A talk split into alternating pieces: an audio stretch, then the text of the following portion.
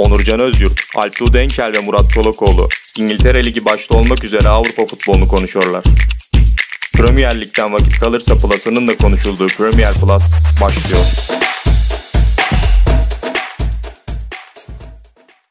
Merhabalar Premier Plus'a hoş geldiniz. Ben moderatörünüz Onurcan Özyurt, Alp Tuğdenkel ve sevgili Murat Çolakoğlu'yla Premier Lig'de haftayı değerlendireceğiz. Hoş geldiniz. Premier Lig'de ve Avrupa'da haftayı değerlendireceğiz tabi. Hoş bulduk öncelikle. Hoş bulduk. Avrupa kısmını hep biraz geri planda tutuyorum ben.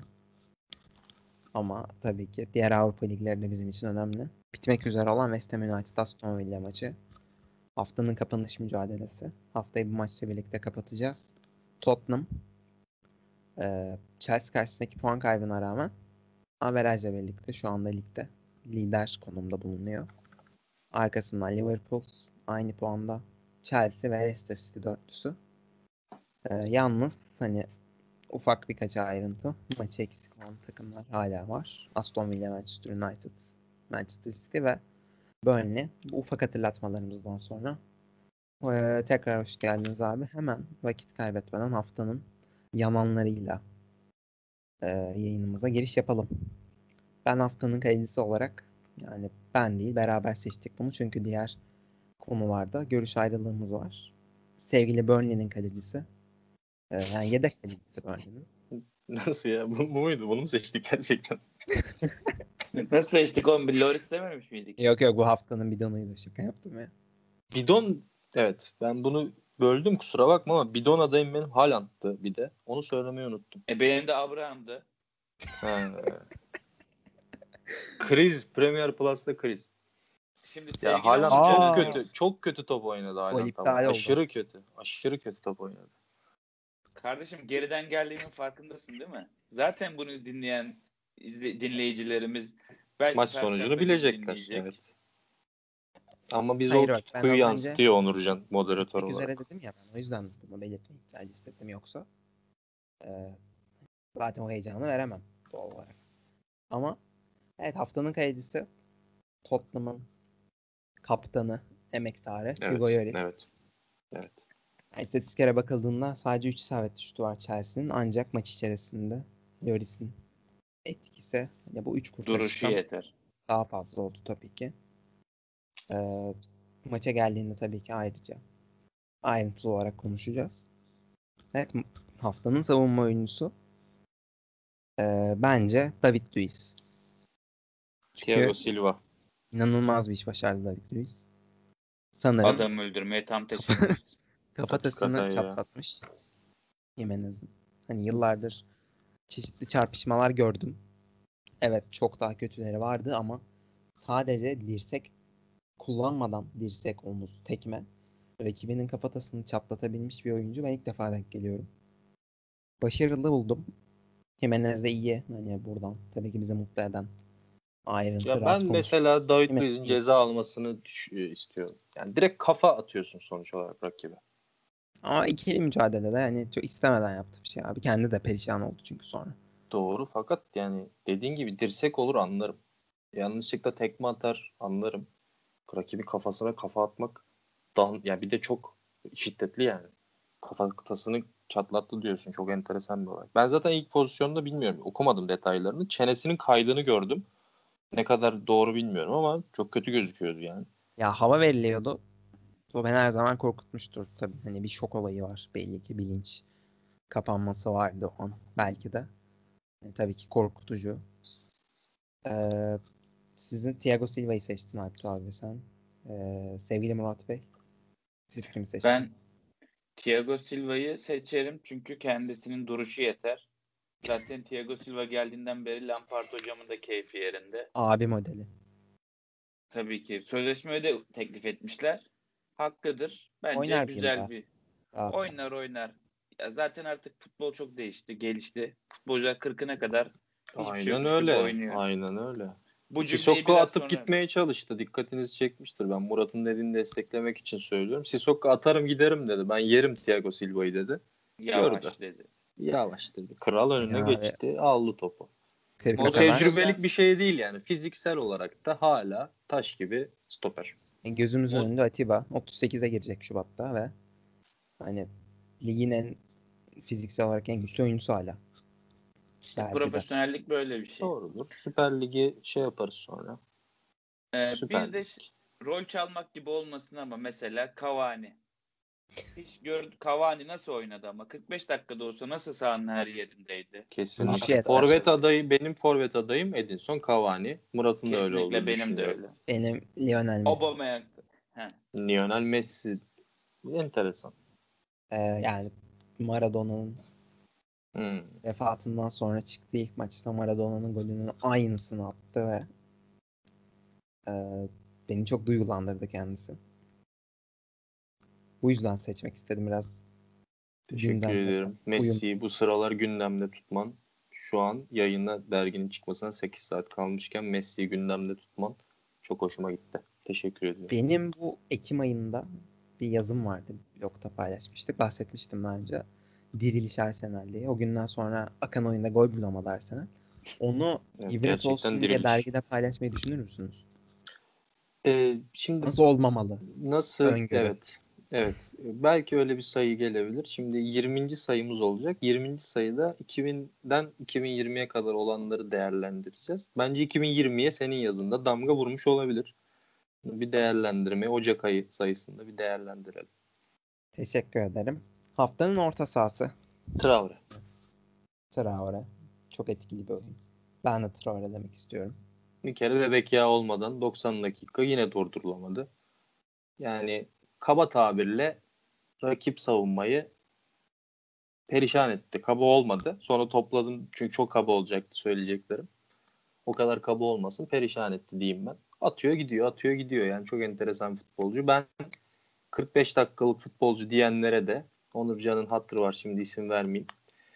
Öyle dedi. Hedef göstermeyelim dedi. 45 dakikalık topçu diyenlere de buradan seslenmiş olalım. Demek ki farklı bir topçuymuş. Oynuyor. Oynayınca oynuyor. Çok istikrarsız ama. Kesinlikle Ola- katılıyorum. Yani haklısınız.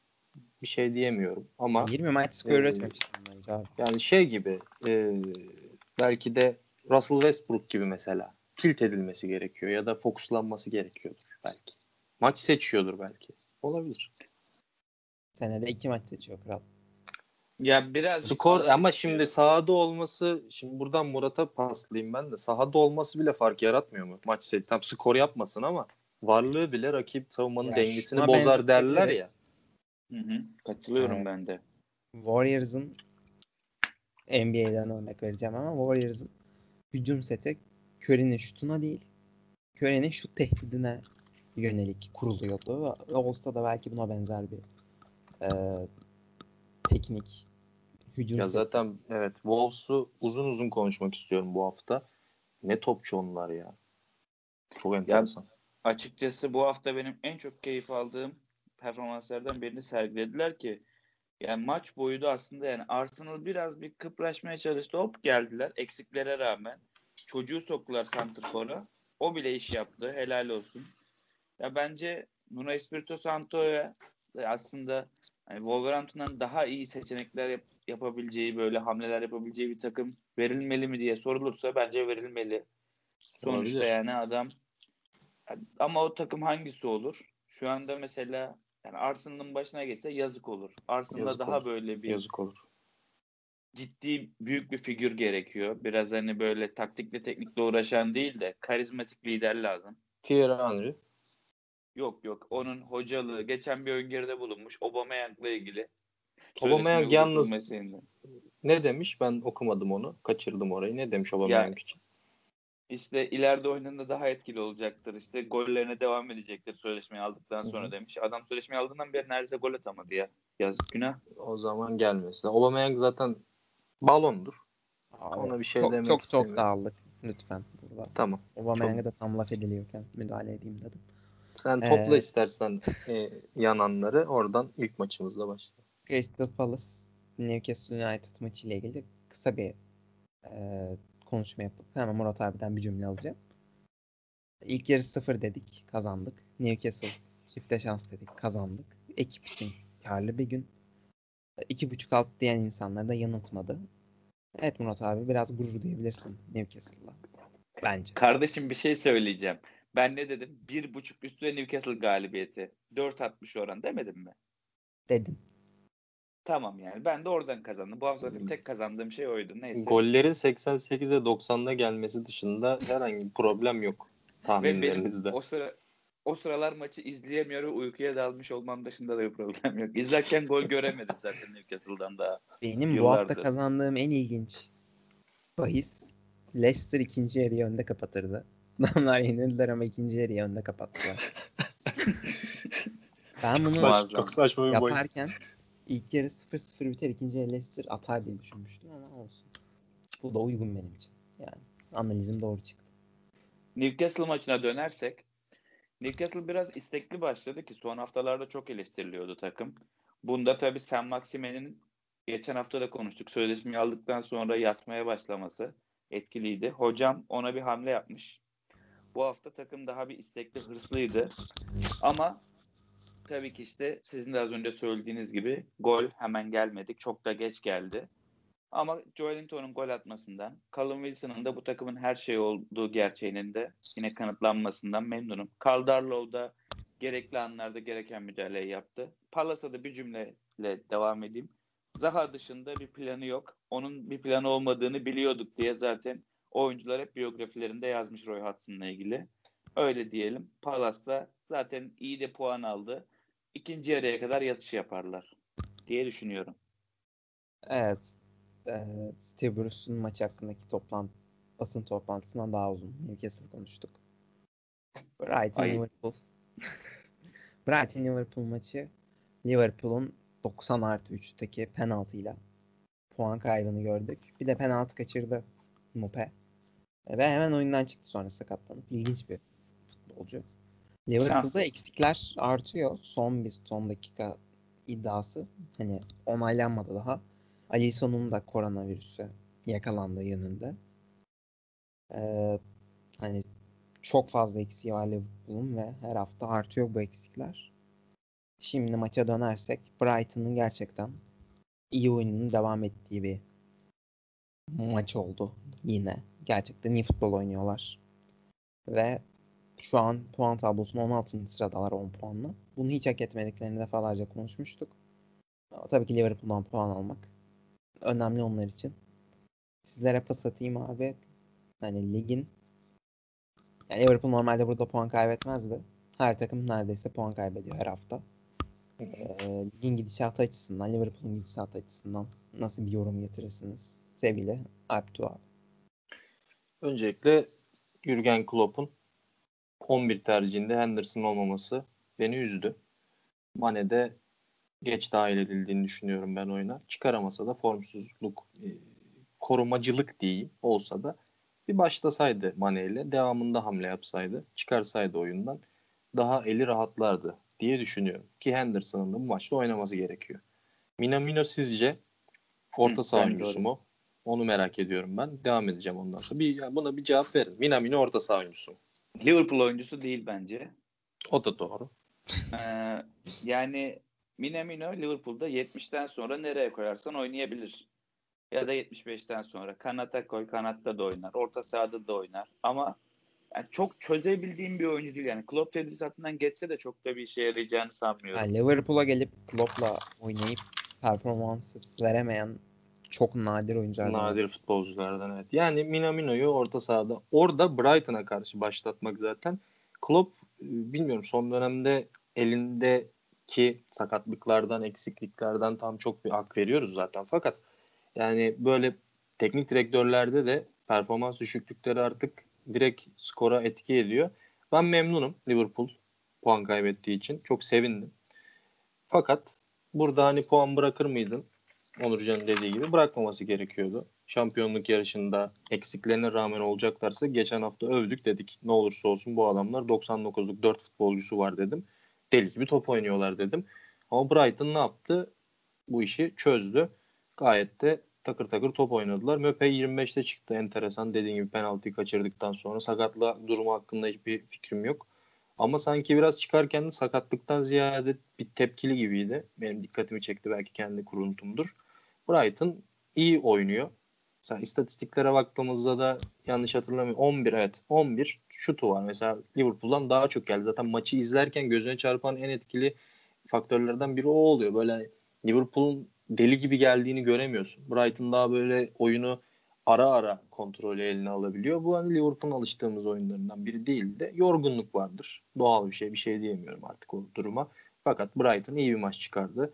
Golü geç buldular. 25'te penaltı 20'de mi 25'te mi gol olmuş olsaydı belki de 60'ta Liverpool o reaksiyonu da veremeyebilirdi diye düşünüyorum. Brighton buralardan hiç yoktan Crystal Palace'ın falan önünde olması gereken bir takım. Ya, muhtemelen ilerleyen haftalarda geçecekler. Newcastle'ın Crystal Palace'ın. Kesinlikle. Newcastle bir şey diyemiyorum. Şimdi Murat bu konuda ne der bilemiyorum ama Newcastle'da geçerler herhalde. Verir, bilmiyoruz.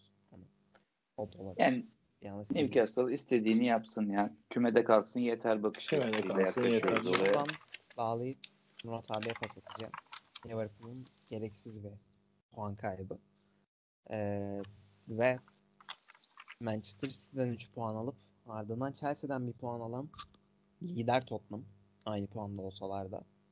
Liverpool'un bu performansı ve Tottenham'ın Chelsea Tottenham maçına da buradan geçelim. Hı hı. Her sanki her geçen hafta Tottenham'ın şampiyonluk için bir aday olma ihtimali. Çünkü o kadar güçlü ki.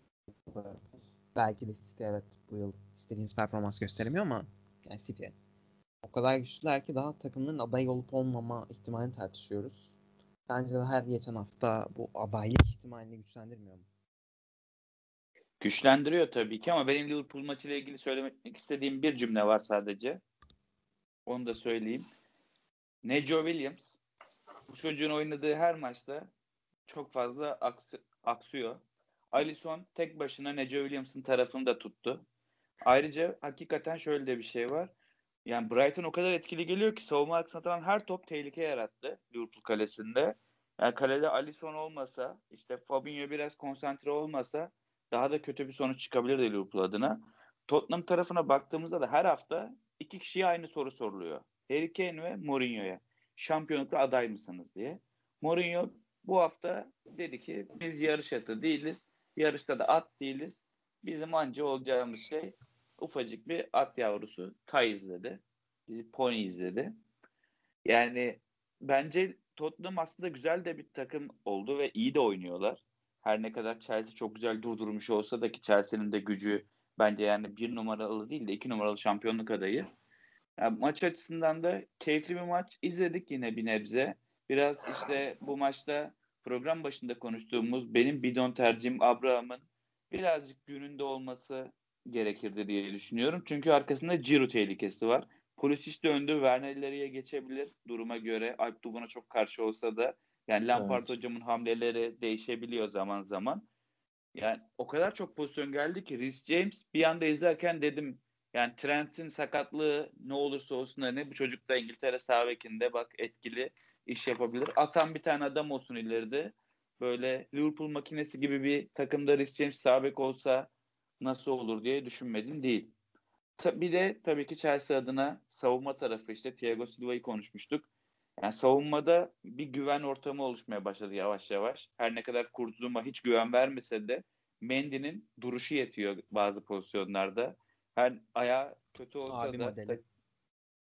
yani abi modeli değil de güven veren insan modeli. Birazcık iyi bir lider geldi takıma. Takım arkadaşlarına seslenmesi olsun. Sağ içindeki duruşu olsun. Daha bu takıma ha- Havertz dönecek. Ne dedik? geçen Dönmezse iyi hafta? olur ama dönecek evet. Yani mecbur o kadar para verdik. Havertz'i de severim. Evlat kontenjanı. Leverkusen'de az şampiyonluk yaşamadık futbol menajerda. Ee, bir ekleme daha yapayım. Kante takımın olmazsa olmazı kontenjanını yine kendisi gösteriyor. Ama Lampard hocam lütfen Kante'nin ayarlarıyla çok fazla oynama. Bırak adam tek başına her şeyi yapsın. Koy Mount'la Havertz'i gerekirse. Kovacic ile Jorginho ile uğraşmaya gerek yok. Mis gibi orta sahayı tek başına Bak, toparlayabiliyor. Evet evet evet. O konuda Havertz'i değerlendireceksen doğru diyorsun. Orta sahada değerlendirsin. Jorginho bu takımın topçusu olmadığını düşünüyorum ben.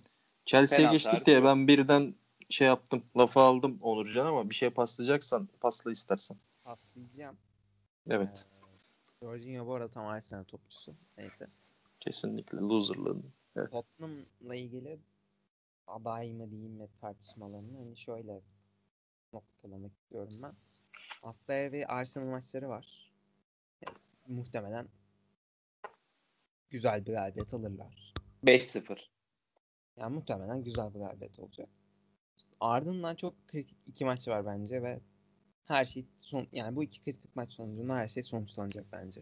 Bu tartışmalar. Aday mı değil mi? Yarış atı mı? Eşek mi? Ee, bir Crystal Palace maçı. Kapanan bir Crystal Palace'a karşı. Tottenham ne yapacak? Çok kritik bir e, nokta çünkü yani West Bromwich de gerçi kapanmadı West Bromwich öyle ama hani 1-0'lık zor bir galibiyet aldılar. Ee, ve ardından zaten Liverpool maçı. Liverpool Tottenham mücadelesi. Şimdiden merakla beklediğim bir maç 16 Aralık tarihinde oynanacak bu arada. Hani bu iki maçtan sonra sonuçlanacaktır durum. Onun dışında hı Chelsea'de e, ben yerlerini şampiyonluk adaylarından biri kadro kalitesi itibariyle ama çok kırılgan bir takım olduğunu düşünüyorum ben hala ve hani üçüncü, dördüncü en fazla gibi geliyor bana. Çünkü evet Kante üzerinde odaklı bir takım belki de. Ee, özellikle savunmada Kante'nin her şeyi yapabiliyor olmasıyla birlikte ama Kante bana hiç güven vermiyor sakatlık konusunda. Bu da biraz Kante sakatlanırsa ne olur sorusunu aklıma getiriyor benim. Alayım mı evet, topu? Abi, evet. Nereden alayım bilemedim ama Kante'den başlayayım. Kante sakatlanırsa 4-3-3'ten vazgeçip 4-1-4-1 deneyebilir. Hem elinde bir sürü hücumcu olması Lampard'ın bir avantaj olduğunu düşünüyorum. Yani kendini Lampard yerine koyarsan şampiyonluk e, yarışında bu arada en büyük adayım benim. Zaten 3 haftadır burada bağırıyorum. Chelsea. Tottenham'ın da önünde. Liverpool'un zaten önünde. Belki ilerleyen haftalarda Manchester City'nin oraya geçince onu da konuşuyorum ama ivmeleneceğini düşünüyorum. Chelsea muhtemelen gelecek haftalarda da puan kaybı yaşamadan bir tepedeki yerini sağlamlaştırır. İlk önce düşüneceğim bu Tottenham maçına geçmeden önce. Tottenham maçında da Lampard yine aynı şeye geleceğim. Ee, şimdi 13 şutun 10'unu galiba Pulisic girmeden önce atmıştı. Timo Werner'i kenara çekti. Pulisic'i attı. İşte 5 dakika 4 dakika geçti. Tammy Abraham'ı çekti. Ciro'yu attı. Ondan sonra baktı dedi ki ben bu ön üçlüyü dedi komple değiştireyim. Gol bulmam lazım dedi. Ziyeh'i çıkardı. Havertz attı. Yani şimdi Havertz'in zaten ön üçlüdeki performansı e, şöyle söyleyeyim. Havertz kötü topçu değil. Çok kaliteli bir futbolcu ileride. Yani Chelsea'de uzun yıllar iyi işler yapar. Okey fakat şöyle bir durum var.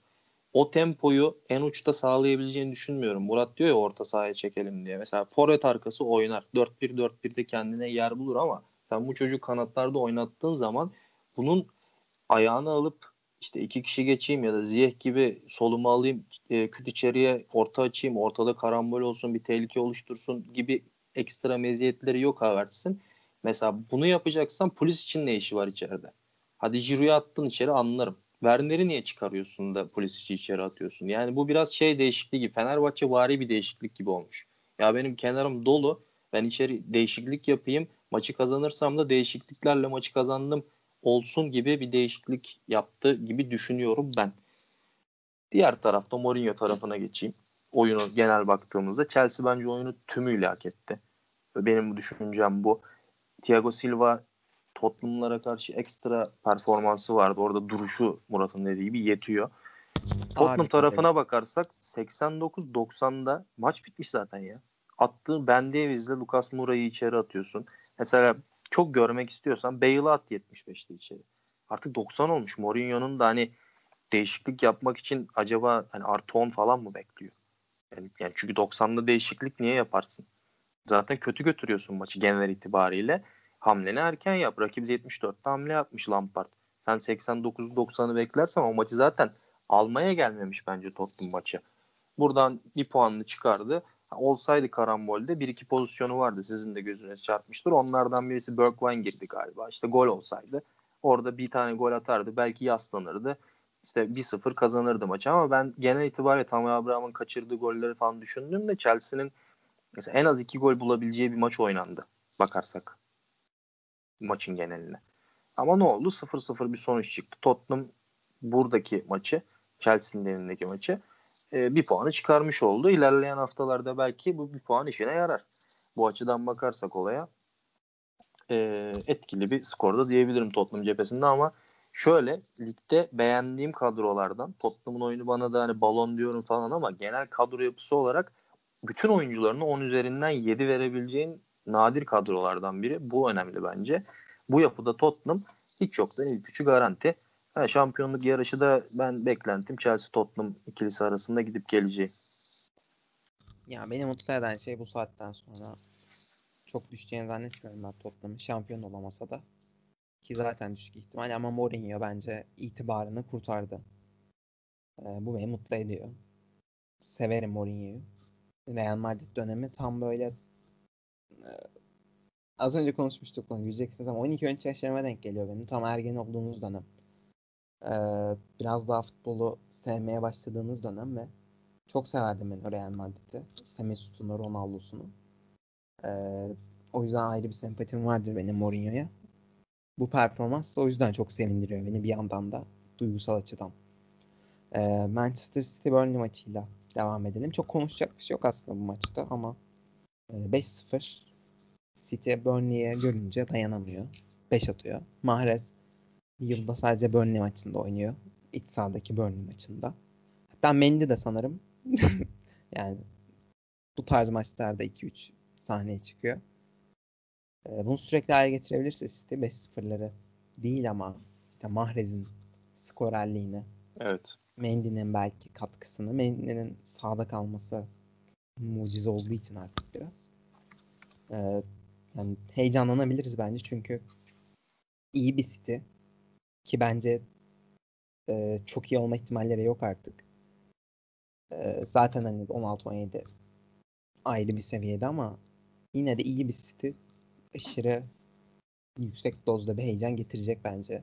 Tottenham, Liverpool, işte Chelsea üçlüsüne bir dördüncü olarak. E, maç eksiği de var.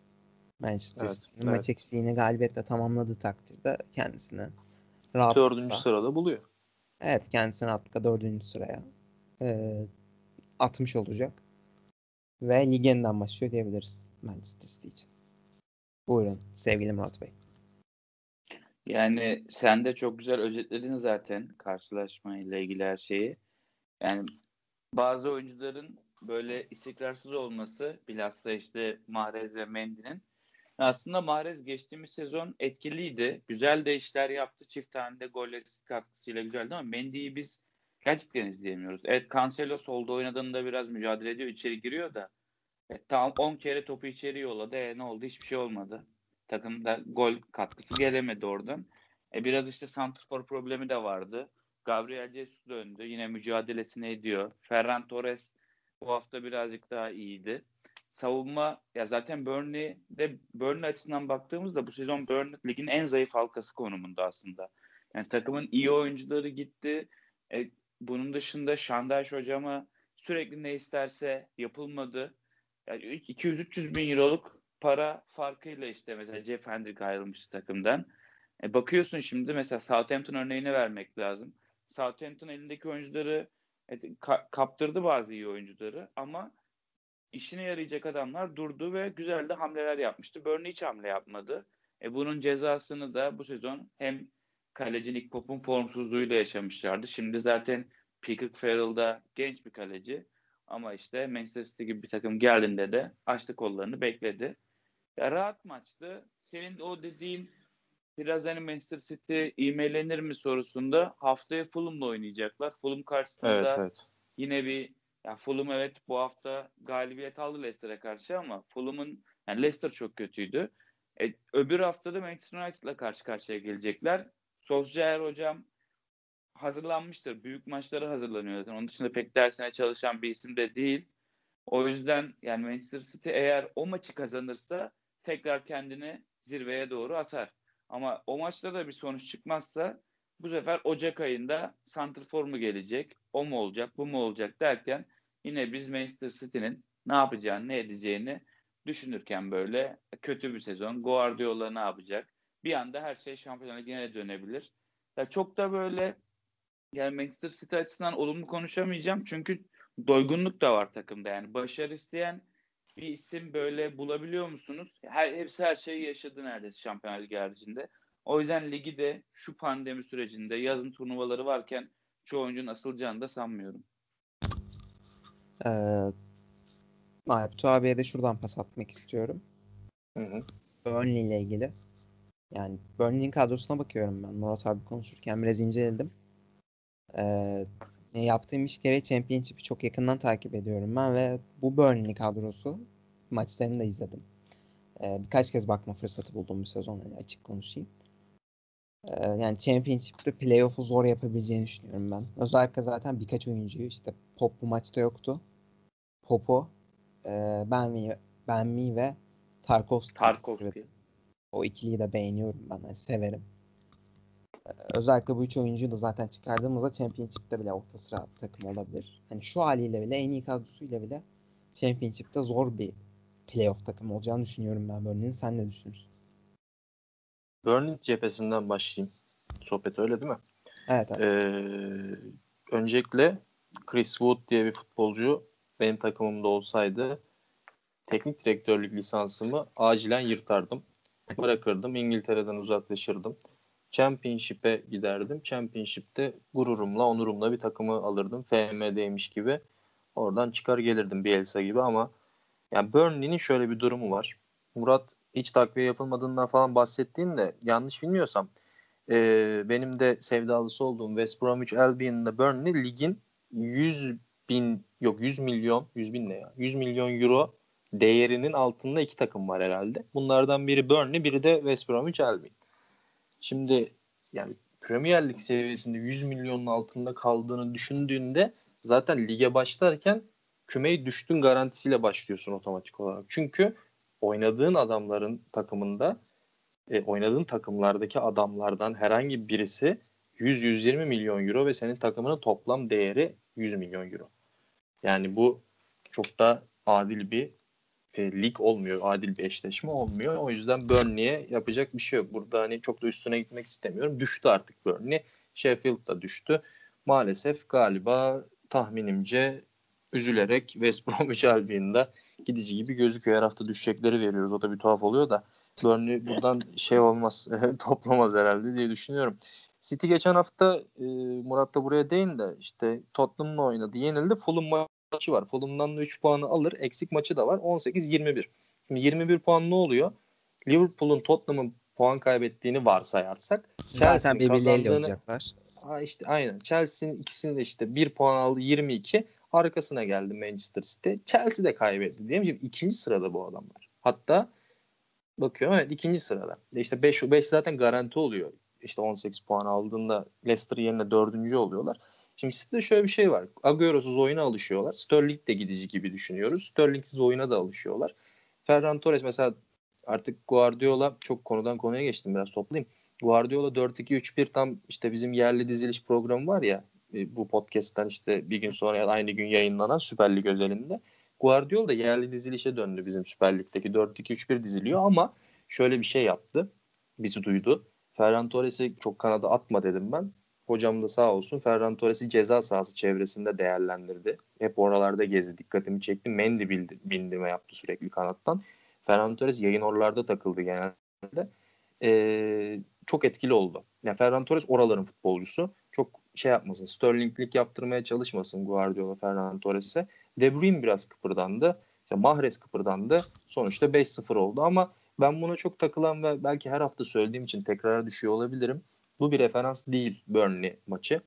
Ama gelecek haftalarda mesela Fulham'dan da muhtemelen puan alacağı garanti 3 puan. Orada da De Bruyne bu formsuz grafiğinden tekrar ivmelenmeye başladığında Manchester City otomatik olarak ivmelenecek. Mahrez ama çok ekstra gol attı. Çok ekstra bir performans sergiledi. Hani Mahrez'in ivmelenmesi De Bruyne'ki kadar e, yani De Bruyne'kinden çok daha farklı oluyor.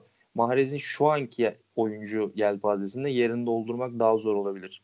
Ya De Bruyne'nin yerini de doldurmak zor. Tabii ki çok ekstra asist. Mendy'e verdiği pas saçma sapan bir asist. Böyle bir şey yok yani. Oradan oraya orta yapmazsın normalde. Yani konsol FIFA'da falan da yapmazsın. Konsol demeymiş direkt FIFA değil mi? Öyle bir pas yok. Çok saçma bir asistti. Ee, ama bu tabloyla da hani üst taraflarda bu şekilde yükselir herhalde Manchester City. Kötü bir top oynamıyorlar. Hiç yoktan artık Gabriel Jesus ve Ferran Torres uyum sağlamaya başladı. Alıştılar. Kötü değil ya Manchester City. İlk haftalarda eziyet çekiyorduk. Hiç yoktan artık top oynuyorlar diyebiliriz. Ee, Arsenal Wolves maçına Ha bu arada özür dileyeceğim. Peacock Farrell diye bir kaleci var. Çok üzüldüm ya. 7 tane gol ikisi kendi kalesine o 2 gol iptal edildi. Gerçekten kötü yani. Hakan Arıkan performans. Ya ben hayatımda bu kadar kötü kaleci yayın kayıttan önce söyledim. Ben böyle kötü kaleci performansı görmedim. Yazık Hakan oldu. Arıkan. Şanssızlık ya. Kesinlikle Hakan Arkan performansı. Ee, Ha, bu arada özür, maçına- bir daha özür diliyorum. Çok özür diliyorum. Murat'ın dediğini not almıştım. Cancelo Mendy'den iyi bek. Evet. Buradan bir daha bölmeyeceğim.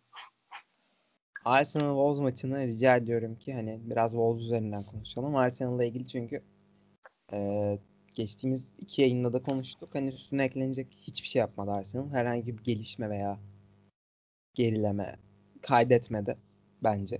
Hatta belki gerileme kaydetmiş olabilir biraz. Gelişmeyi Gabriel özelinde belki kaydetmiştir. Yani Wolves konuşalım isterim ben biraz çünkü vakit kaybı Arsenal şu an. Ya tabii hani eklemek istediğiniz şey varsa Evet. ekleyebilirsiniz ama e, Her zaman aynı Arsenal ya. evet abi Vallahi. zaten. Ben Tabii şöyle maçın- alayım Evet. istersen. Yani Jimenez'in sakatlığı çok erken oldu. Yani o sakatlık aldığında direkt şeyi düşündüm. Wolverhampton nasıl gol atacak? Ne yapacak? Ne edecek? Çünkü Jimenez gerçekten iyi oynamadığında takım pek bir şey yapamıyordu. İşte Adama Traore de biraz formsuzdu. İşte Podence vardı. Onun dışında bir tane daha ikinci forvetleri vardı ya. İşte Neto. biraz Neto, Neto. Bunlar da biraz yapıyordu. Orta saha zaten genelde uzun paslarla ya da oyun kurmayla iş yapıyordu. Bu maçta Arsenal'dan mıdır nedir biraz biz keyifle izledim yani. Zaten siz Adama Traore'yi en iyi orta saha seçmiştiniz. Yani onun performansı gerçekten iyiydi. Neto, Podence etkili. Onun dışında genç oyuna giren golcü o da çok etkiliydi. Fabio Silva olması lazım. Fabio Silva. Evet. Girdi Yani ve takım- çıktı. Ya o işte birazcık ilk 11 başlamış gibi olduğu için sonlara Aynen. doğru Aynen.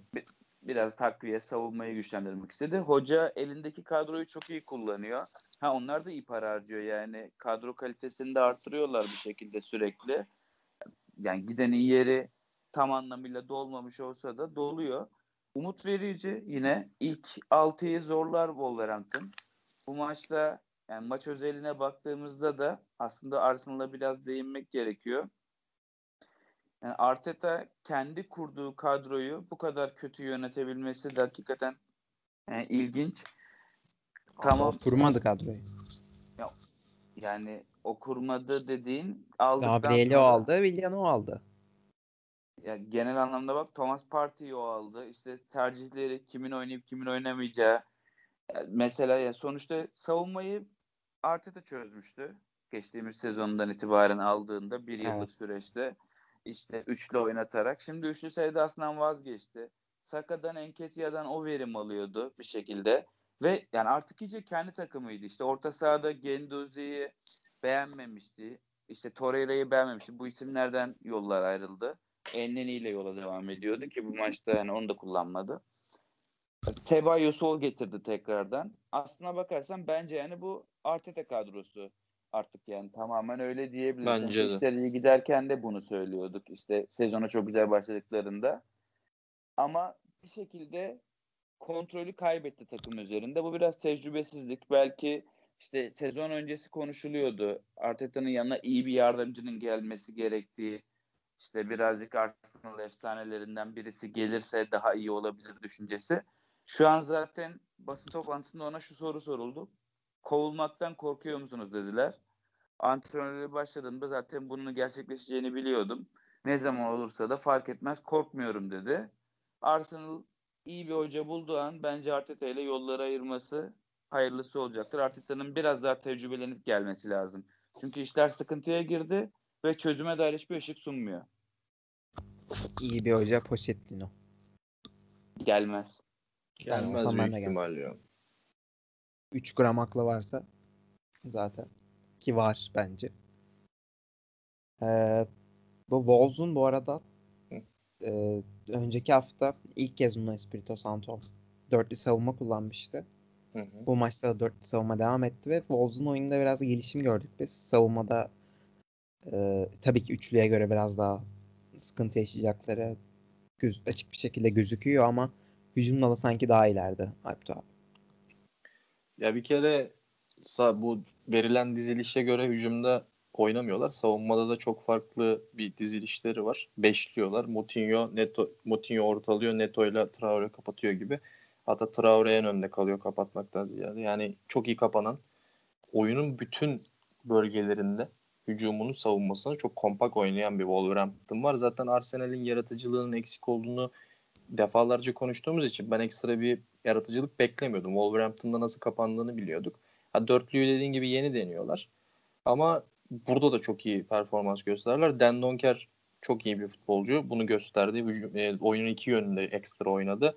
Podence Neto'ya biliyorum sen bunu bekliyorsun biraz da. Podence Neto ikilisi çok enteresan futbol oynuyorlar. Yani 25 yaşında Podence Neto kaç yaşında? 23 mü? Öyle Yani- bir şeydi. çok enteresan futbol oynuyorlar.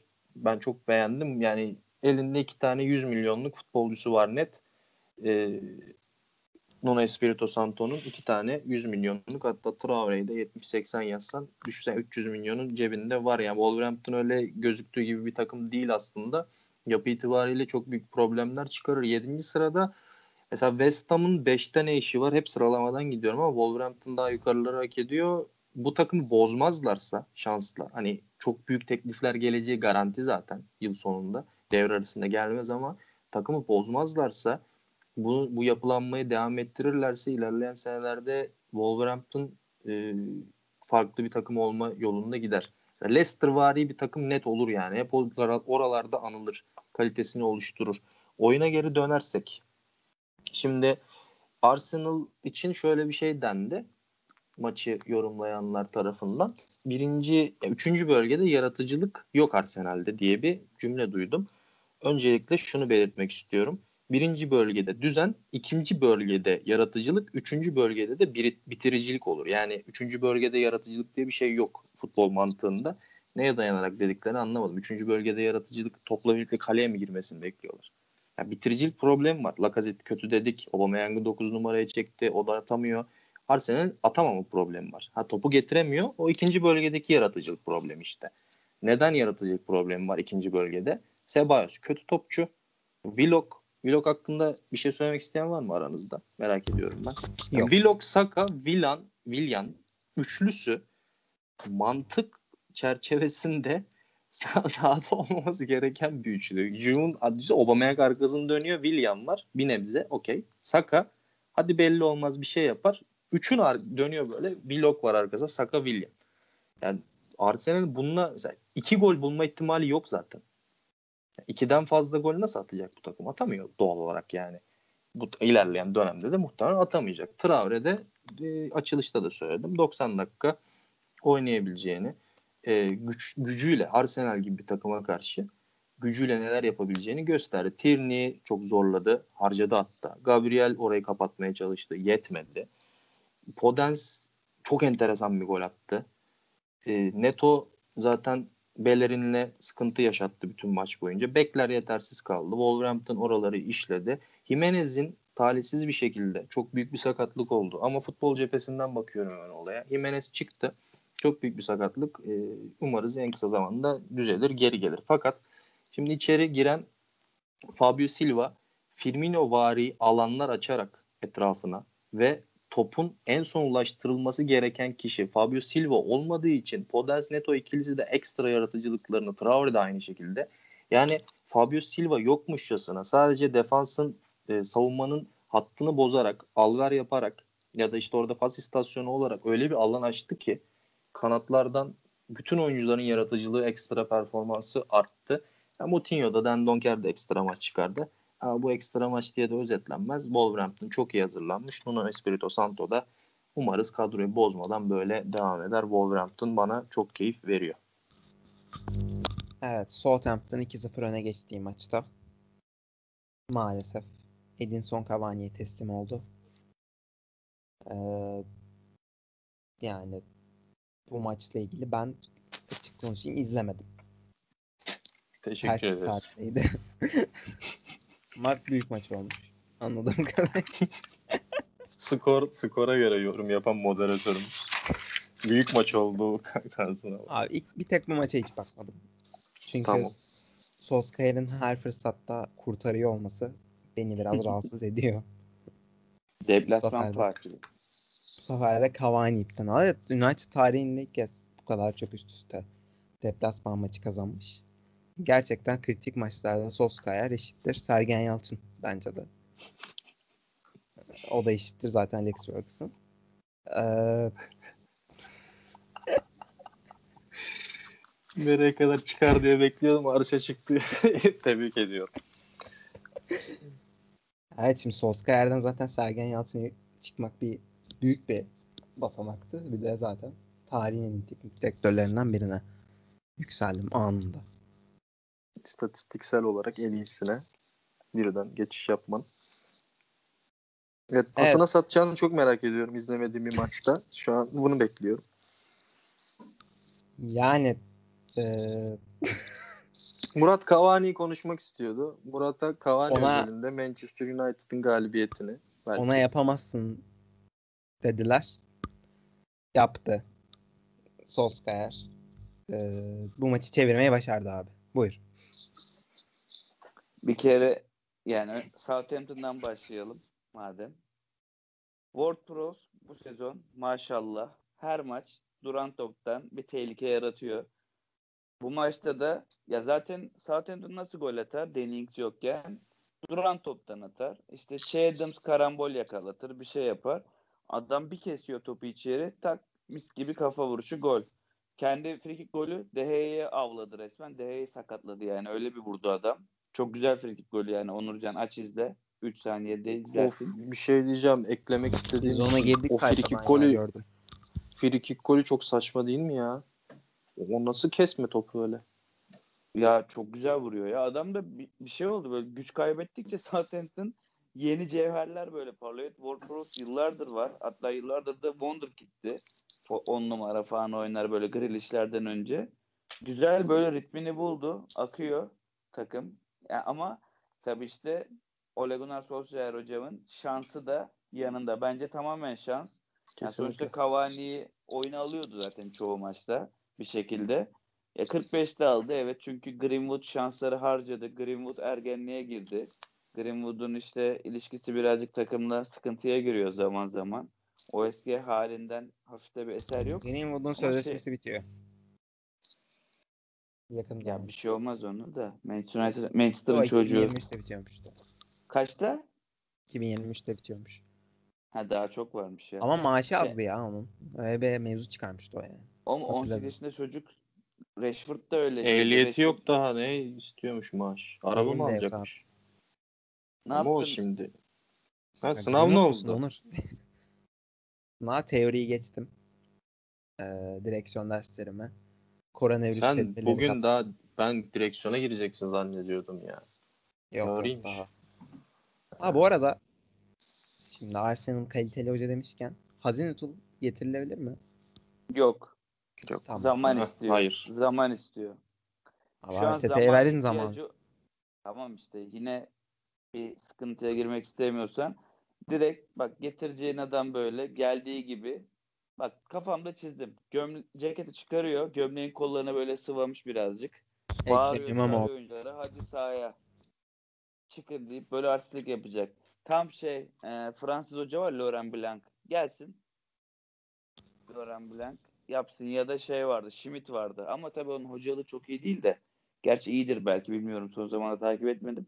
Böyle bağıracak çağıracak esip gürleyecek bir hoca lazım. Arsenal'a. Kalkın ayağa deyip zorla böyle koşturacak. Vlogları, sakalları, şunları bunları, Nelson'ları böyle Arsenal'ın çocuklarına aktaracak. Manchester United'a dönersek Cavani yani yaşının hiç gösterdiğini yapmadı. Adeta 27 yaşında böyle sahanın her Evet yerinde ya. var olmaya çalışan bir oyuncu performansıyla attı, attırdı. Daha da iyisini yapacaktı. Daha fazla da pozisyona girdi. Ama bu takımda hala eksik çok bir şekilde Manchester United'ın yani güven vermesi gerekiyor. Yine güven vermedi. Yani tamam son dakikada Fergie time gibi Solskjaer time oluyor ama yani Solskjaer'in bu kadar şansla gidiyor oluşu biraz bence sıkıntılı bir durum. İşte az, az önce sayıyoruz ya işte şampiyonluk adayı takımlar diye. Ya yine bir United'da çıkış yapabilir. Bir anda geçtiğimiz sezonki yaptığı gibi zirveyi zorlayabilir. Ama ya bu biraz şey oyunla olması gerekiyor. Şansla değil de ya bir Fred mücadele ediyor, koşuyor ediyor ama yetenek o son taraftaki halinde iki, ikili oyunu iki yönlü oynamasında sıkıntı yaratıyor. Evet. Hala Van de Beek'ten pek bir şey bulamıyor Manchester United. Sonunda Dean Anderson'ı Premier Lig'de de izleme şansı bulduk. Kötü bir şeyle de başlamış olsa. Ya bir şekilde bu United'ın toparlanması lazım ama Solskjaer hocam şu an koltuğu rahat aldı bence. Sonuçta oklar da iyice Arteta'ya dönmüşken basında uğraşmıyor şu sıralar. Şampiyonlar Ligi'nde de işler iyi. Tertemiz, aksın gitsin. Zaten böyle giderse de yani öğrenecektir de bazı şeyleri. Öğrendikten sonra da umarım iyi bir hoca olabilir. Evet, City'den bahsettik eksik maçının tamamlanması gerekiyor diye ama United eksik maçını kazanarak tamamlarsa Üçüncü. Şu an, evet. Dördüncü. Dördüncü. Mağlubiyeti fazla evet. Yok. Average. İkili average. Şey, Ama genel şey de var ya. Genel average. E, üç mağlubiyeti var Chelsea'nin bir ya. O etkilemiyor mu? Ya zaten genel average sıfır ama. Zaten United. Öyle mi? Bakmadım average'e. Direkt oradan yorumladım ben. O ee, 12 13 tane atması lazım ya atar.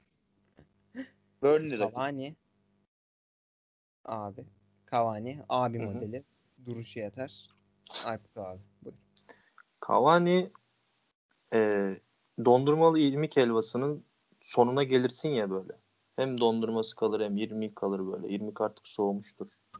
Ya da sandi bir kul falan alırsın çikolatalı. Onun bütün sosu dipte birikir. Cavani onun gibi. Böyle Zaten. yaşlanmış. Yaşlanmış ama ama Premier Lig'de 45'ten sonra atıyorsun içeri.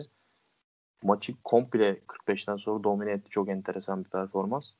Maçı da zaten aldı ama şöyle bir şey diyeceğim. Dean Anderson bu saatten sonra formayı vermez. O da var. Hayırlı olsun Manchester United'a. Artık kalede Dean Anderson var. Forvet'te de Cavani yavaş yavaş ilk 11'de görev bulmaya başlar. Rahat ederiz biz de. Ama dikkatimi çeken bir şey daha var. Manchester'ın genel oyun mesela şöyle bir şey söyleyeceğim oradan geçeyim. Gene daldan dala atladım ama Southampton ilk yarıda 4 tane de atabilirdi. 2 tane attı. Çok net pozisyonları vardı. 2 tane atabildi. Oradan sonra mesela çok farklı bir şey konuşuyor olabilirdik. Ama 60'tan 90'a kadar Manchester United 3 tane gol attı. Olay farklı yerlere girdi. Yani Cavani ile başlamış olsaydı bilmiyorum daha çok top tutarlardı belki ileride. Daha farklı bir oyun çıkabilirdi ilk 11'de başlasaydı ama hani Southampton 4 tane de atabilirdi ilk yarıda ve çok kötü olurdu. Çok farklı bir senaryo çıkardı ortaya. Arteta'ya gömdük o kadar. İşte eksik maçı var falan da işte bu üst tarafta yığılma şeyde de var. Mesela Sheffield 1 puan alınca, Burnley 5 puan alınca, West Bromwich 6 puan olunca ya Fulham da 7. Gelen giden bunları tokatlamış oluyor kısaca. Sonuç olarak da yukarıda 21, 21, 19, 18, 17 gibi Süper Lig'de de olan işte tepede yığılma olayı ortaya çıkıyor. Mesela 17 puanlı Southampton 6. 15 puanlı City 11. Yani deli gibi bir yığılma var. Mesela Arteta'da bir galibiyet alsa 16 mesela. Manchester United'da 16 puanda. Çok da aralarında bir fark yok aslında baktığın zaman puan olarak. Ama burada kırılma ne olacak? 25. hafta, 28. haftaları göreceğiz. Orada muhtemelen yine dediğimiz gibi Tottenham, Chelsea, City falan ayakta kalacak. Orada çıkacak kim iyi kim kötü. O yüzden bu e, kötü gidişat dediğimiz şeyler de aslında biraz suni gibi geliyor bana. Maçın genelinde de Manchester United ikinci yarı kabuk değiştirdi diyeyim kısaca ya. Çok da hani Southampton'a üzüldüm ben. Sevdiğim takımlardan biri ligde. Bu sene farklı bir şeye girdim. Duygusal bir yapıdayım. Southampton'ı destekliyorum mesela. West Ham arada bir hoşuma gidiyor. Wolves destekliyorum. Hiç Nasıl bir sene... duygusal A veya yapı abi? Açıklayabilir misin? Paranın getirdiği başarı çok güzel. Ben çok severim. Ama bu sene nedense bir garibanın da yüzü gülsün mü diye düşündüm. Ama paranın getirdiği başarı şampiyon olursa da çekerim Chelsea formamı. Paşalar gibi çıkarım kutlarım yani işte bir şey yokmuş gibi davranırım. Ama içim burkulur mu Wolves 8. bitirse bir üzülürüm. Ama Wolves 5. bitirirse Chelsea şampiyon olursa değmeyin keyfime. Ee, West Bromwich Bu arada Roman Empire şeyini gördünüz mü? Bayrağını. Harika. Çok ince detayları severim ben. Kelime oyunları çok hoşuma gider. Maç başında Chelsea. göstermişlerdi ya. Hoşuma gitti. Yani adam tekrar döndü takıma yani.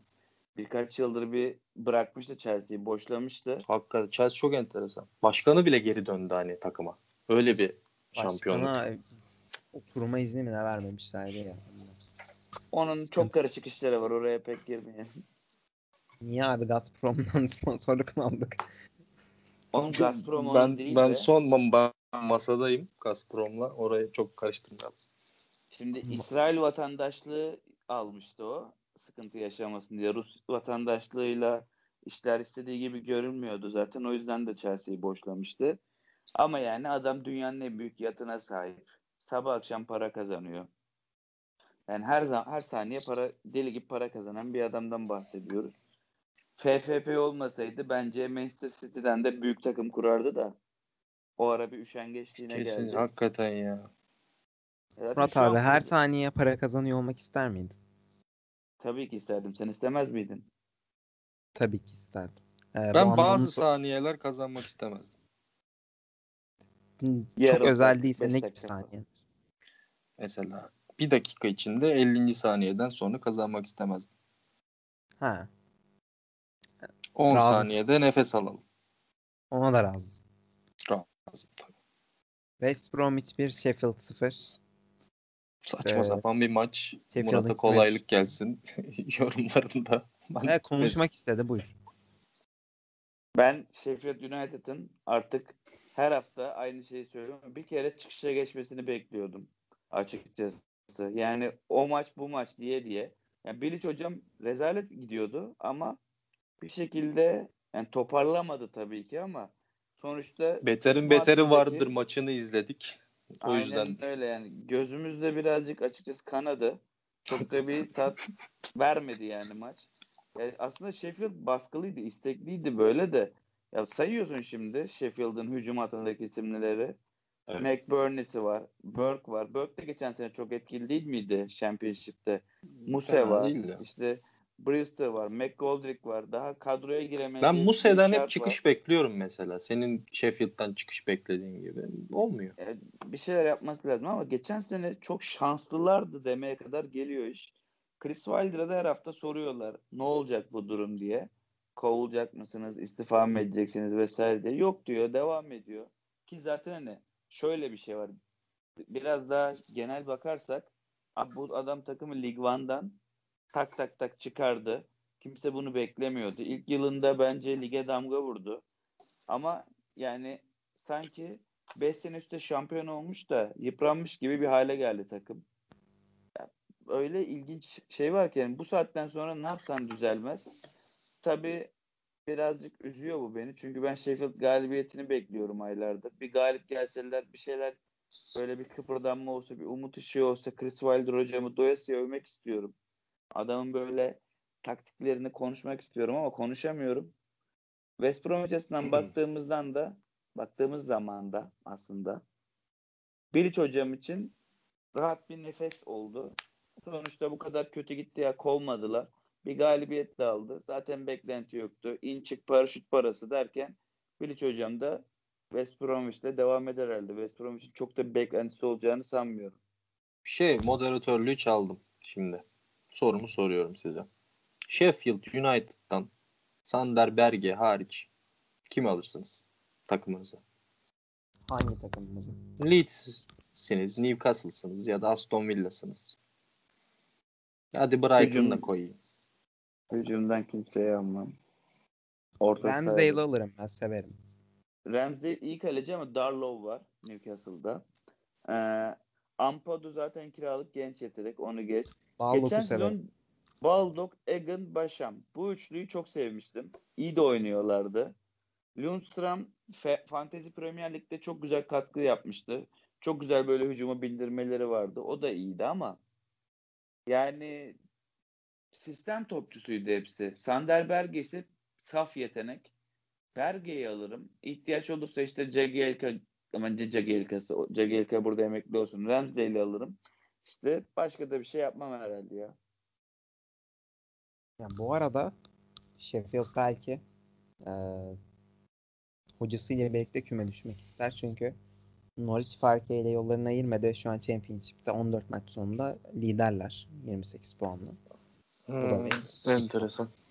Bournemouth ikinci, Watford da üçüncü. Sheffield İlginç rekor bir- rekor küme düşüş yaşar mı peki? 9 puanla falan. Ben 6 bekliyorum. Daha önce bunu yaşayan bir takım olmuştu ya. Aston Villa. 4 Kaç puanda puanda? mı 5 puanda mı ne çok düşük. Yapma Kümede ya. düşmüştü. Ben ondan haberim yok. Ben 8 kalmış aklımda nedense. Ya 38 maç ama o zaman daha fazla maç mı vardı ya? Geçen görmüştüm de tam hatırlayamıyorum. Ee, galibiyetsiz Aston Villa değildi ama. Portsmouth da olabilir. Yok o da değildi herhalde. Neyse bakar buluruz bir yere. Evet. Plus'ın artı birimizde artı bir diyorum pardon. Sponsorlar gitti aklımız. Artımızda ne var? Ee, Atletico Madrid'in inanılmaz performansı var. Evet. Bahis getirdi bana da. Hep siz bahisten konuştunuz. Ben de Madrid'e güvendim. Deplasmanda yenilmez dedim. Yenilmedi. 9 maçta 2 gol yediler. Yani İyi. Tebrik ederim. Zidane kovulur mu? Kovulsun. Ya şu Pochettino gelsin şuraya artık yeter. Sıkıldım ya. Bir de bir şey soracağım. Madem Championship'i yakından takip ediyorsun ya Onurcan. Evet abi. Rooney hocam hoca mıdır? Çok Yani düşmeme ihtimalleri yok. Colin Kazım Richards'a bel bağlayan bir takım. Abi Ya. hani bir galibiyetleri falan var. Falan ya bir galibiyetleri var. O da çok sürpriz bir maçtı. Onun dışında Vic- Wycombe ile oynadılar mesela. Ligin en kötü takımlarından biridir kendileri. Hani beraberliği zor aldılar. 1-1. Ya Belki kazansalardı bir şansları olacaktı. Hani bir ivme yakalayabilirlerdi ama Derby geçen yıl da kötüydü gerçi böyle yine.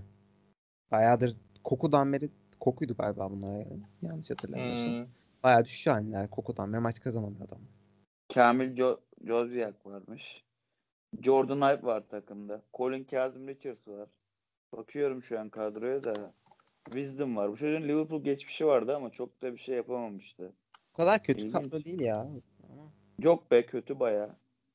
Yani bakıyorum aa Christian Bielik? Championship'te neler var ya. Bakayım vallahi Bielik. Christian Bielik. Championship'te neler var? Newcastle Bak, Sheffield United'ın Wednesday'in- yükseldiğinden beri. Sheffield Wednesday'in puan cezası vardı. Eksi Aha. 12'yi de eksi 6'ya mı ne düşürdüler sonra. Hani ama ligin sonuncusu şu an Sheffield değil Derby öyle düşün. Evet evet şu an ona bakıyorum da. İlginç işmiş. Adamların 3 galibiyeti var. Mesela Middlesbrough. Artı birim yani şey pardon. Plus'ımıza bakıyorum şu an. Nasıl Hmm. işliyorlar yalandan tıkır tıkır. İşte bu. Akpom var. Fletcher var. Allah Allah iyi takımmış ha. Ben mesela Ama- sadece Championship'te Blackburn maçlarını takip ediyorum. Bahis de alıyorum Blackburn maçlarına. Güzel gidiyor. Blackburn. Blackburn'de dünyanın en iyi golcüsü var. Shearer eski veliahtlarından. Abu Bakar. Armstrong. Çocuk İngiltere U21'e kadar yaş, yaş grubunun en iyisiydi. Sonra bir şekilde çöktü gitti. Ama Blackburn'da çıkışa geçmiş. Zaten bu sezon Championship'te 27 Newcastle'ın çocukları topluyormuş. Mesela Onda gördüm. ilgili ilginç bir yanım daha var. Bir buçuk üst falan bakıyorum böyle Championship'te. Oranlar da güzel. Blackburn Middlesbrough maçı tam yazdım böyle. Şansıma maç başladı. Ekleyemedim. Maç 0-0 bitti. Şans yani. Bu golcü bir takım 0-0 bittiği maçı tutturuyordum. Böyle bir anım var Blackburn'le. Bu sezon. Middlesbrough'u ağırladılar. Ben de bir ekleme yapayım o zaman buna. Haftalardır tüm dünyanın gözü kapalı üst oynadığı bir takım var. Almanya Ligi'nde Bayer Leverkusen. Evet. Bu hafta yine tüm dünya üst oynamış. Ben oynamadım. 0-0 bitti maç. İşte. Yani bilmiyorum yakalandınız mı maçı ama Onurcan Özürt aramızdaki Ben ye- yazarı. ben yenilmez oynadım. Yenilmedi. Ben bu maça Ya. bulaşmadım. Mesela Ama Dortmund oğlum, Köln maçını izlediniz. Ben 90 dakika izleme hatasını yaptım. Haaland'ı severek takip ettiğim için. Haaland Ee, balonu patladı diyebilir miyiz? Kesinlikle ondan bahsedecektim. Haaland balonda Fuleli değil. patladığına göre.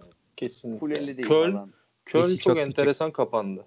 Yani Köln çok enteresan kapandı. Dortmund da eski Sancho dikkatinizi çektiyse o geçen seneki Sancho yok. Olmuyor yani. Top eziyor sürekli. ya. Gidiyor gidiyor kafa atıyor işte topu kaptırıyor. Ara pas vermeye çalışıyor geçmiyor falan. Bütün maç onu izledim. Jadon Sancho ne yapacak diye. Saçma sapan bir maç. Lucien Favre şey yaptı bir ara. Üçlüye döndü. Sancho'yu sağ beke gibi bir pozisyona attı. Oradan da top taşıyor kendi kendine şey yapıyor. Topu şişirmiyor paşam.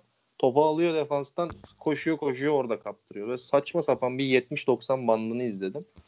İşte Tolga Hazard girdi. Gol attı falan filan ama Dortmund çok kötüydü. Ama muhtemelen bu hafta yine kimle oynayacaklar? Bu hafta patlarlar. Bu hafta iyi gider. Yani Frankfurt'u beşlerler diye düşünüyorum. Bize geldi yani. Dortmund ben galip gelir oynadığımda bana patladı Dortmund. Çarşamba izleyecektim maçı. Maçı var. Lazio maçının bir şeyi var mı peki grupta? Ee, anlamı? Hani kaybederlerse Lazio çıkıyor gibi ya da Dortmund Liderlik kesin maçı. kazanması. Liderlik, Liderlik maçı. maçı. El ele çıkacaklar. Kulüp Brüj ve Berabere. Zenit'te bir şey yok. O 9-8. Brüj Zenit'li tokatlar herhalde. 7-10 olmaz ya. Güzel maçmış bak bu. Sevdim. Vedat Muriç gol atsın.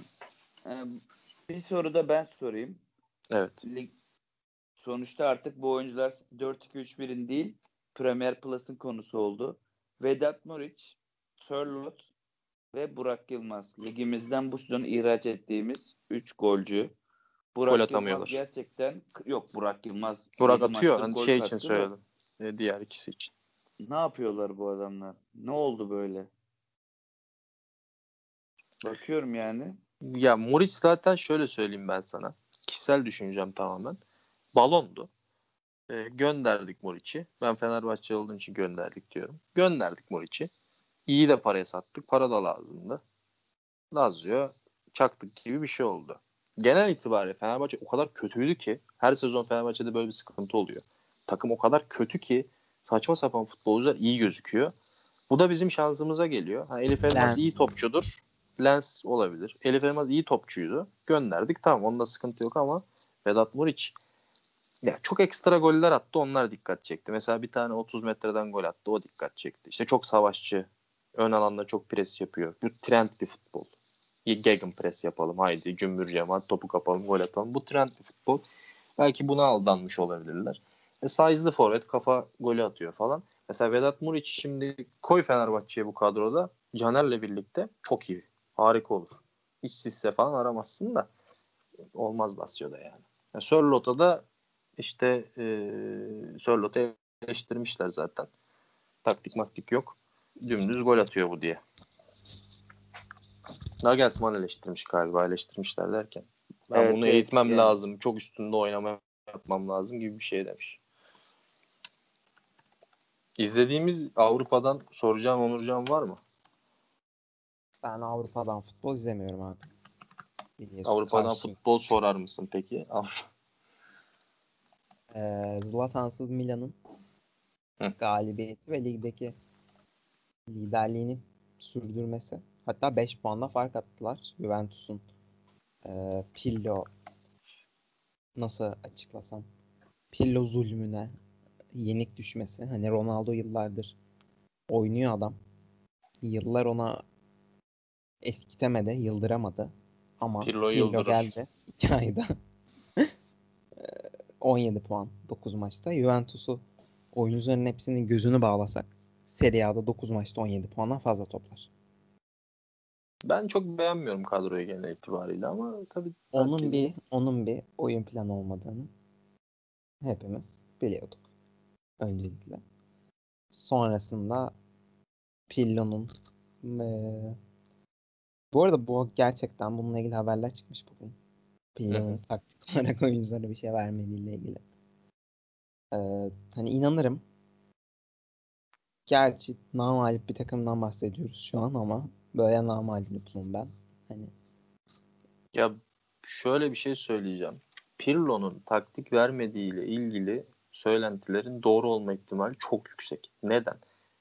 bu adam nerede pişti, nerede eğitildi, kimin öğrencisi, ne ara taktik öğrendi, oyun planı, oyun yapısı, oynatmak istediği futbol ne?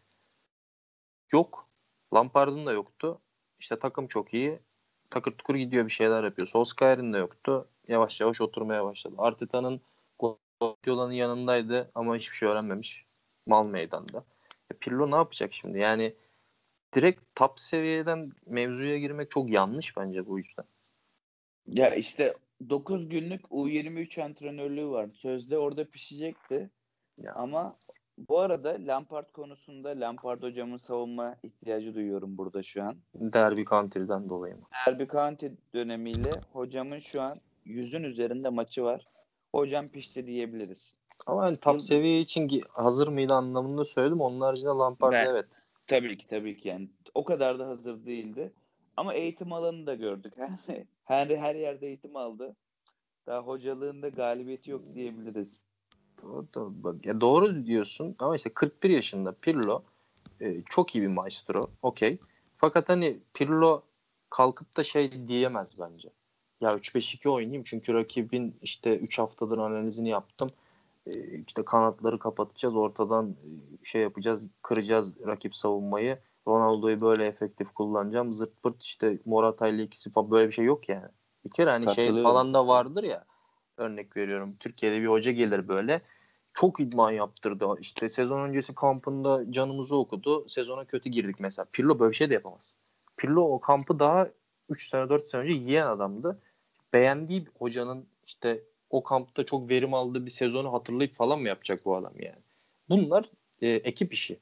Pirlo da muhtemelen orada gösterilmek artık futbol öyle bir hal almaya başladı. Bir figürü alıyorsun, koyuyorsun işte hücum antrenörü, kaleci antrenörü, rakip analisti falan filan toplanıyorlar. Bir takım ortaya çıkarıyorlar. Bir formasyon ortaya çıkarıyorlar. Kafada da Pirlo oluyor, işte Gattuso oluyor falan. Ama işte Bielsa gibi adamlar da var. Mourinho gibi, Guardiola gibi adamlar da var. Oyuna direkt etki ediyorlar. Kendileri yeni işler yapmaya çalışıyor. Bu olay beni üzüyor yani bu abi modeli Onurcan deyimi, deyimiyle Arteta, Lampard, Solskjaer, Pirlo ya bu adamların gelecek 10 sene 15 sene içinde futbolu belki Lampard hani aralarında en ışık vereni o gibi geliyor bana. Bu adamların oyunu değiştirme potansiyeli olduğunu düşünmüyorum ben. Ben Lampard'ın da oyunu değiştirebileceğini sanmıyorum. Yani eldeki kadroda Ancelotti vari bir iş yapabilir. Yani eldeki kadrodan biri evet. olur ama senin dediğin oyunu değiştirme konusunda bence böyle yani Guardiola onu çok güzel yaptı. Ama mesela Guardiola'nın hoca olabileceğini de o kadar düşünüyor muyduk? Evet Barcelona B'yi çalıştırdık geldi. Ama pişti de geldi.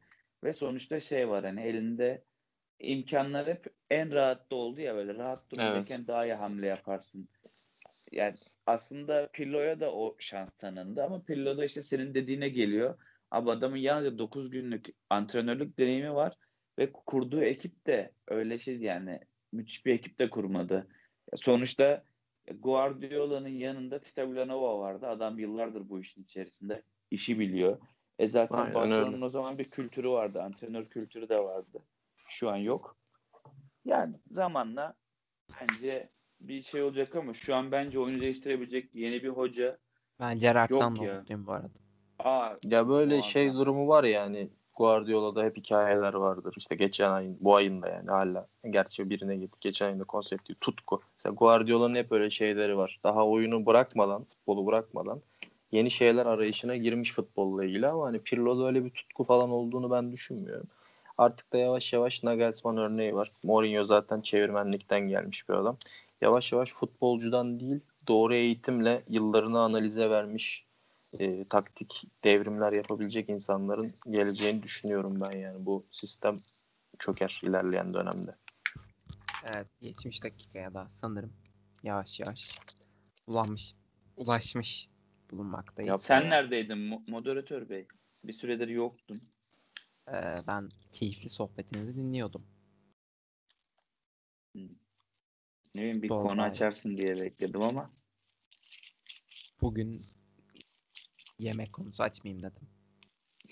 Çok açım çünkü gerçekten. ben de or- az önce Alp'te açınca bir gittim geldim ama şu an toparladım iyi durumdayım. Ben tatlı bu sefer. Yemekten sohbet açmayayım dedim. Tatlıdan yana sohbet açtım. Diğer programda da kahve, öteki programda da alkollü kokteyller üzerine hazırlık yapacağım. Bir sonraki yayınımızda sponsorumuza yapabilir miyiz? Görüşmeler ne durumda? Şey yapalım konu kapattıktan sonra. Gazprom'un Şey- özel. Gazprom çok iyi ya. Ya Gazprom'dan sponsorluk alsak mesela ne bek nasıl bir şey bekliyorsun? Herkesin evine yeni bir boru mu gelecek? Mesela benim evde doğalgaz yok. Gazprom bana nasıl bir faydası dokunacak? Abi yani sana ne gibi yardımı dokunur? Para yardımı dokunur. Evet, evet. Bana doğalgaz yardımında bulunmasınlar. Ben direkt nakit olarak istiyorum. Hani kış gelmiş doğalgaz yardımı. Beni çok tatmin eder. Ne de düşünsene Gazprom bana bilmem kaç metreküp doğalgaz veriyor. Sen kullanamıyorsun diyor. Ben de ekonu bu Türkiye'deki zamlı doğalgazın fiyatını kırıyorum doğalgaz satarak. Elimdeki metreküp falan böyle. Podcast Çok en- üzerinden para aklıyorsun. Kesinlikle. Kadıköy'de tezgah açmışım. Tüple satıyorum falan. Doğalgaz gelmiş. Doğalgaz fiyatlarına indirim gelmek zorunda kalıyor İstanbul özelinde falan benim yüzümden. Şey diye bağırıyorsun sen param olsa da ben alsam diye bağırıyorsun. Param olsa da sen değil mi? Artık Evet. toparlayalım. Buraya kadar dinledilerse de teşekkür ediyorum. Ben de çok teşekkür ediyorum sizlere. Değerli yorumlarınız için. Ee, ben çok keyif aldım. Her zaman olduğu gibi bu yayından. Bizi dinlediğiniz için teşekkür ederiz. Haftaya görüşmek üzere. Elinize ağzınıza sağlık. Haftaya görüşmek üzere. Hoşçakalın. Hoşçakalın.